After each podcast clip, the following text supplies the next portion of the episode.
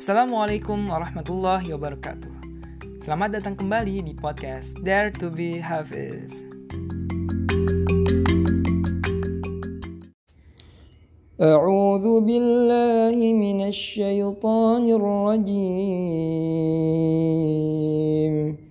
يا أيها الذين آمنوا اتقوا الله وآمنوا برسوله يؤتكم كفلين من رحمته ويجعل لكم ويجعل لكم نورا تمشون به ويغفر لكم والله غفور رحيم Aku berlindung kepada Allah dari godaan syaitan yang terkutuk.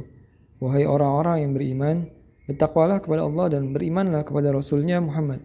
Niscaya Allah memberikan rahmatnya kepadamu dua bagian dan menjadikan cahaya untukmu yang dengan cahaya itu kamu dapat berjalan serta dia mengampuni kamu. Dan Allah maha pengampun, maha penyayang.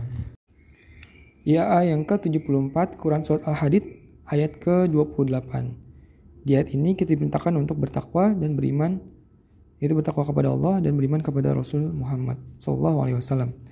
Nah kalau di ayat ini kita bisa lihat sebenarnya konteksnya lebih ke orang-orang ahli kitab gitu, di mana ketika orang orang-orang ahli kitab itu bisa beriman kepada Nabi Muhammad, itu Allah akan memberikan dua bagian rahmat.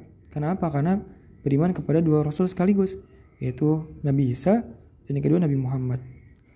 Dan di sini disebutkan juga menjadikan cahaya untukmu dengan cahaya itu kamu dapat berjalan serta dia mengampuni kamu.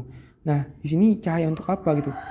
Kalau di uh, ayat nanti di surat At-Tahrim gitu terus ada lagi kan ya, cahaya juga minta cahaya semacamnya. Tapi kalau di tafsir Jalalain disebutin bahwasannya cahaya ini berguna untuk penerang ketika berjalan di sirat gitu.